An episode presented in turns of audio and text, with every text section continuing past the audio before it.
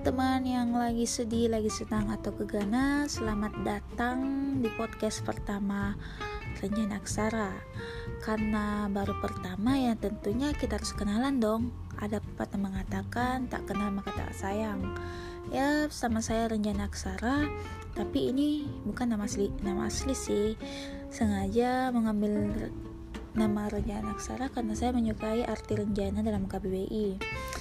Dan malam ini saya juga belum membacakan sebuah puisi atau sajak yang akan memfokuskan pada podcast ini.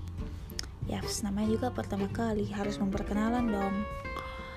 Saya membuat podcast karena dorongan dari teman-teman dan juga support dari teman. So, stay tune.